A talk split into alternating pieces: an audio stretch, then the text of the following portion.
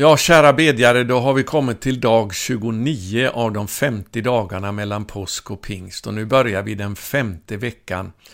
Vi närmar oss den stora högtiden då vi eh, kommer ihåg Andens utgjutande eh, som den beskrivs i Apostlagärningarna 2. Jag ska börja den här eh, sändningen idag med att läsa från en e-post som kom till oss från en av bedjarna. Jag tycker det är väldigt uppmuntrande. Hej Lars, skriver han. För var dag som går så berörs jag mer och mer av att vara en del av bönerörelsen Norden 714. Herren liksom drar mig närmare sig, kallar mig in i bön och manar till omvändelse. De dagliga uppdateringarna på Youtube-kanalen är så välsignande och styrkande. Jag ber för dig och teamet om beskydd, om trofasthet och uthållighet att stå för detta budskap detta är den enda vägen vi har att vandra.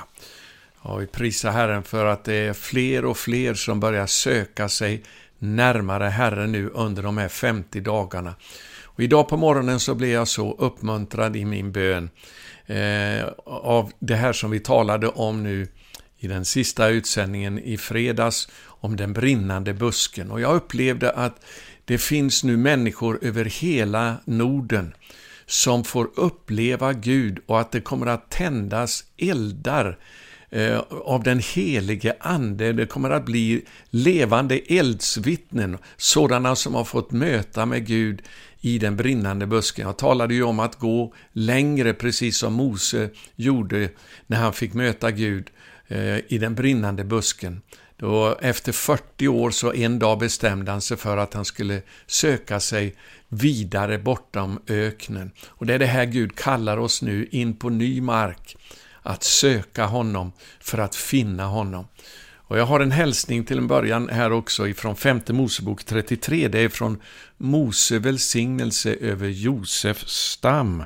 Och det står det så här i vers 16. Alltså välsignad vara han, eh, Josef, med nåd från honom som bodde i busken. Halleluja. Han finns där i elden. Och i den här eh, sändningen så ska jag tala lite grann om eh, det här med den brinnande busken och vad det har att göra med pingst och det som vi ber om. Självklart så handlar det i båda fallen om elden, att Gud finns där i elden och det är ju det vi söker nu, Andens eld över våra liv. Men om vi går tillbaka till Andra Mosebok kapitel 3 där eh, vi läser om hur Mose fick möta Gud i den brinnande busken. Så eh, där kallar han ju också på Mose då att bli en utav, eller bli befriaren för sitt folk. Och jag tror att var och en som får möta Gud i eld nu kommer att bli befriare för många människor. För det är bara i Andens kraft som vi kan få göra en skillnad. När vi har fått möta personligen med Herren, gjort den här upplevelsen av att möta honom i den brinnande busken, han som bor i den brinnande busken. Men när han får den här kallelsen eh, så säger Moses så här i vers 11. Men Moses sa till Gud, vem är jag att jag skulle gå till farao och att jag skulle föra Israels barn ut ur Egypten. Ja, Mose hade kommit till en punkt då han hade blivit ödmjuk och det är sådana ödmjuka människor som är färdiga med sig själva som Gud vill resa upp ur stoftet, ur ingenting och beklä med sin eh, underbara kraft för att kunna bli befriare.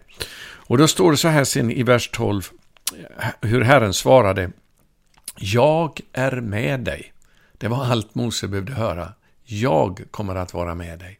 Och det är det allt, allt det vi behöver höra också. Vi behöver inte kunna det här i vår egen kraft. Allt hänger på att vi har fått möta Gud och att han är med oss. Då kan han göra precis vad som helst, stort som smått. Och sen står det så här, och detta ska för dig vara tecknet på att det är jag som har sänt dig. När du har fört folket ut ur Egypten skall ni hålla gudstjänst på detta berg. Så alltså mötet med Gud som Mose fick uppleva, det var en försmak utav det gudsmötet som hela Israel skulle få eh, vara med om på Sina i berg när de hade kommit ut ur Egypten. Och det var ju så att eh, det här inträffade just under pingsten. Det kan man se i det 19 kapitlet i Andra Moseboken, att det var just på den femtionde dagen efter uttåget ur Egypten som de fick möta med Herren på Sinai berg. Och det här betonas i femte Moseboken gång på gång, att Herren steg ner i eld på Sinai berg. Det var eh, en, precis samma sak som sedan hände 1500 år senare ungefär i eh, andra kapitlet i Apostlagärningarna, när tungor av eld kom ifrån himlen över alla lärjungarna och de blev döpta i helig ande och eld. Vi ska läsa om det här gudsmötet nu i Andra Moseboken kapitel 19. Det står det så här från vers 1. På den dag då den tredje månaden började efter Israels barns uttåg ur Egyptens land kom det till Sina i öken. Det är så att det kan också översättas att det var just på den första dagen i tredje månaden som de kom till Sinai. Och sedan kan man se i, i berättelsen i de följande verserna att det var den sjätte dagen i den tredje månaden, då alltså pingstdagen inträffar, 50 dagar efter påsk. Det var då som Herren steg ner på Sinai berg, precis som den högtiden uppfyllde sedan, när Herren också steg ner i eld, så att säga, över lärjungarna på pingstdagen i Jerusalem. Det står sedan i vers 2. Det bröt nämligen upp från Refidim och kom till Sina i öken och slog läger i öken, öknen. Israel slog läger där mitt emot berget.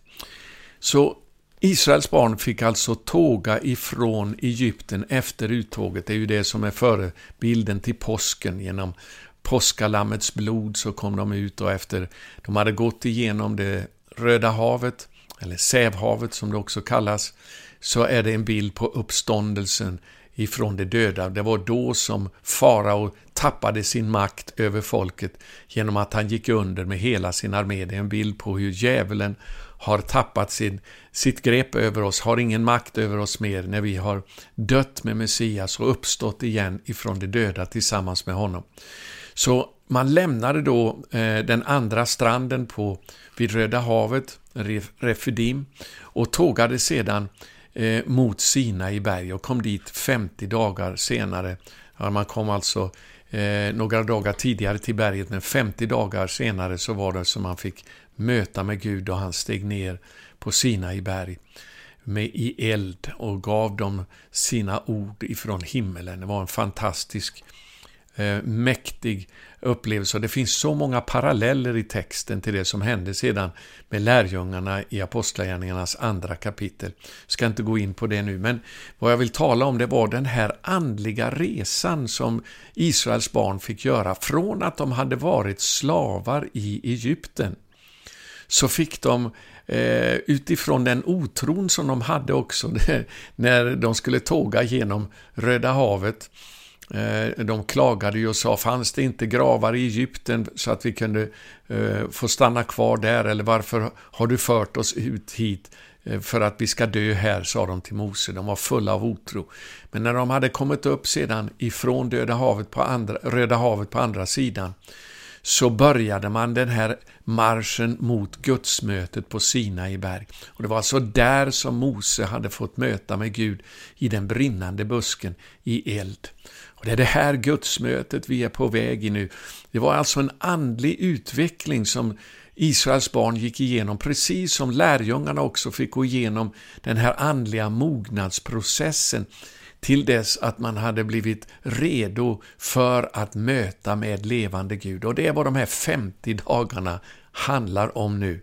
Att vi gör oss redo för att möta med Gud, att vi ska få Eh, en, eh, bli uppfyllda av helig ande och eld. Och vi ska vara trogna i det här och söka Gud eh, och då ska vi få se hur Andens eld kommer att komma över våra liv. Jag är övertygad om det.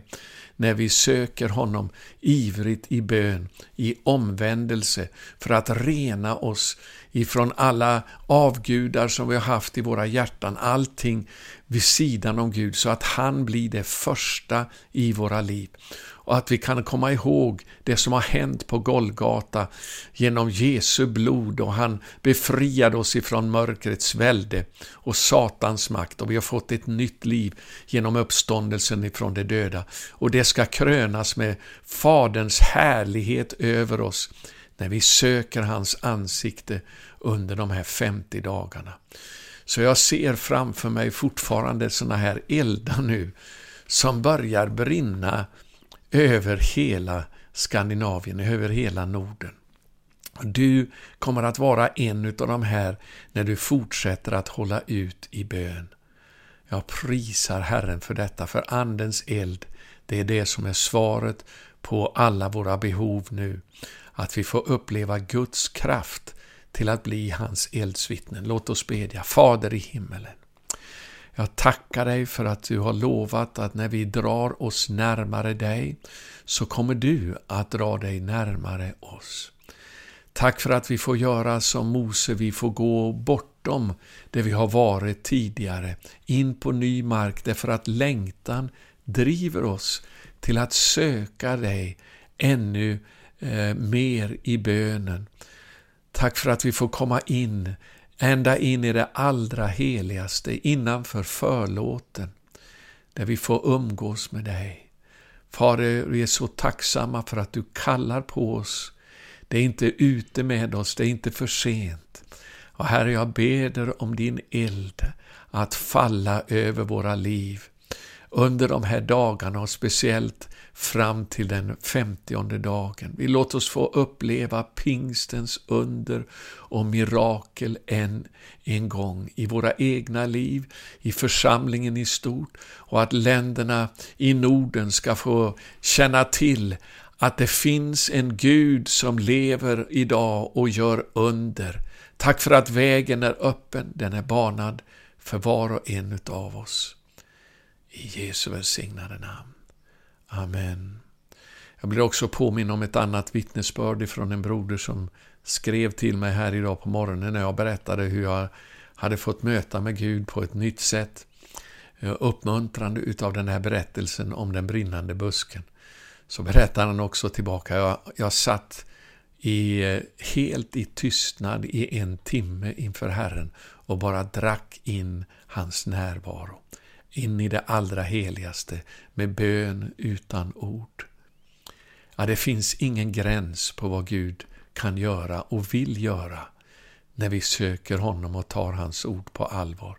Det är så spännande det här vi nu upplever vänner. Och återigen, låt mig påminna om de tio sista dagarna så uppmanar vi till bön varje kväll i församlingar och bönegrupper. Och den sista kvällen, pingstafton, till en bönenatt fram till pingstdagen. Halleluja! Låt oss förvänta oss mäktiga ting ifrån Herren. Gud välsigne dig.